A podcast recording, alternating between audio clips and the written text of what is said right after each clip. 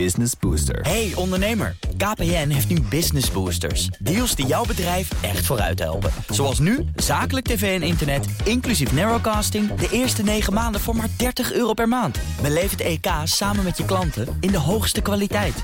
Kijk op kpn.com slash businessbooster. Business Booster. Wetenschap vandaag.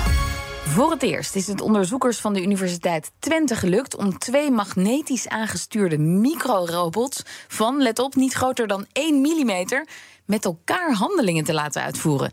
En als ik het goed heb, wetenschapsredacteur Carlijn Meinders, kunnen ze dit mogelijk ooit in ons lichaam voor elkaar krijgen? Dat is inderdaad een van de mogelijke toepassingen. Dit is onderzoek uitgevoerd door het Surgical Robotics Laboratory van de Universiteit Twente.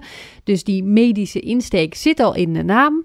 Gaan we meteen even naar onderzoeker Franco Pinjan Basualdo. Hij vertelt wat er is gelukt met die twee piepkleine magnetische robotjes. So they collaborate together through their magnetic interactions to achieve something that they, they wouldn't be able to do by themselves, a single one, which is grasping the object from both sides. Ja, ik, het spreekt enorm tot de verbeelding. Hoe zien die kleine samenwerkende robotjes er dan uit? In dit geval uh, zijn het bolletjes. Uh, vertelt Michiel Richter. Hij werkt in hetzelfde lab, maar aan andere dingen. We noemen eigenlijk alles robot in het lab. Maar dat kan variëren van, nou ja, misschien wat je zelf bedenkt van een robot, een robotarm. Of, maar dat kan ook gewoon een, een bal zijn. In dit geval zijn het twee ballen. Die dicht bij elkaar, maar toch afzonderlijk van elkaar bestuurd kunnen worden. Oké, en dat besturen, dat, dat gebeurt dus met magnetisme? Ja, dus zonder dat ze ergens uh, mee verbonden hoeven worden. Uh, ze zitten nergens aan vast. En het is dan niet zo dat iemand dan met zo'n enorme tekenfilmmagneet in de hand die robotjes heen en weer aan het trekken is. Het is allemaal een stuk subtieler. We brengen een magnetisch veld zo aan. En we sturen het magnetische veld in de ruimte. Aan de ene kant is het in de linker richting, aan de andere kant in de rechter richting bijvoorbeeld. Die balletjes worden verschillend gemagnetiseerd. En die hebben dan ook een weer een verschillende interactie met elkaar.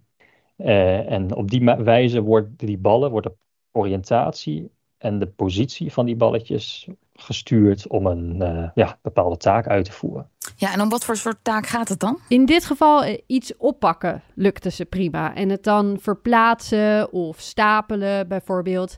In dit experiment waren dat dan kleine kubusjes die werden opgepakt. Maar als die robotjes allebei magnetisch zijn, ja. ja plakken ze dan niet de hele tijd aan elkaar?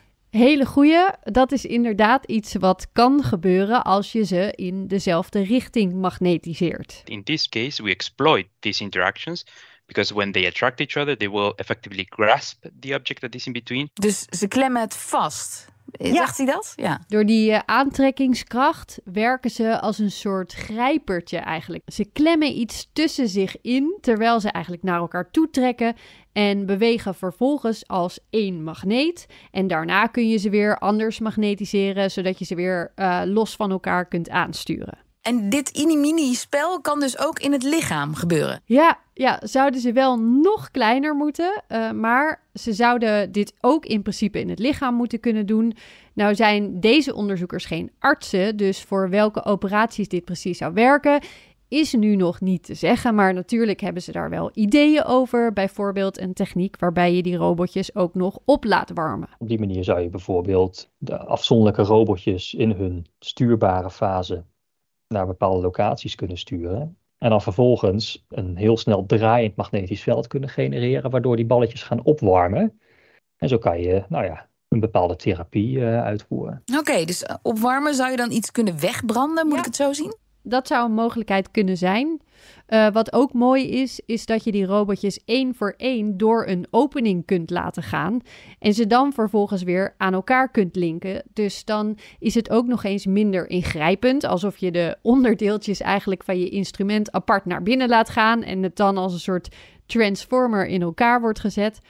Nou is het ook nog wel even leuk om het onderzoek van Michiel Richter zelf te bespreken. Ook hij werkt aan magnetisme, maar in zijn geval niet met losse robotjes, maar met het integreren ervan in chirurgische instrumenten. Als we de context nemen van bijvoorbeeld een, een cardiovasculaire chirurgie, wat een chirurg dan vaak gebruikt is een, is een voerdraad. En dat is een lange draad, hele dunne draad, die vanuit je lies naar binnen wordt gebracht en zo richting het hart gestuurd wordt door je grote arteriën. Maar die chirurg die moet dan vaak handmatig zo'n draad naar binnen duwen en ook handmatig de draad draaien om het een kleine bloedvaten te krijgen. Als we dan die voerdraad alleen het uiteinde bijvoorbeeld magnetisch kunnen maken, dan kunnen we heel specifiek het uiteinde van die draad sturen door een magnetisch veld aan te brengen. En op die manier heb je niet meer dat, dat draaien nodig, het, het, het giswerk, maar dan kan je heel precies je draad een bloedvat insturen. Nou, dat lijkt me ook een hele mooie toepassing.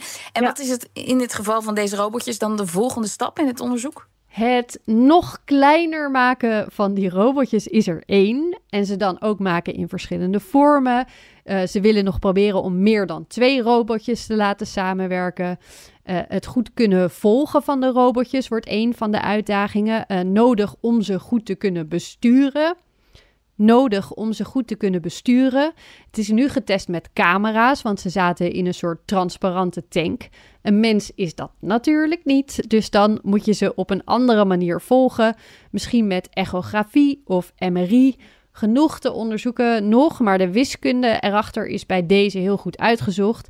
En dat is een stevige basis om op door te bouwen. Mini, mini, mini robotjes dus. Ja. Dankjewel, Carlijn. Hardlopen, dat is goed voor je. En Nationale Nederlanden helpt je daar graag bij. Bijvoorbeeld met onze digitale NN Running Coach... die antwoord geeft op al je hardloopvragen. Dus, kom ook in beweging. Onze support heb je. Kijk op nn.nl slash hardlopen.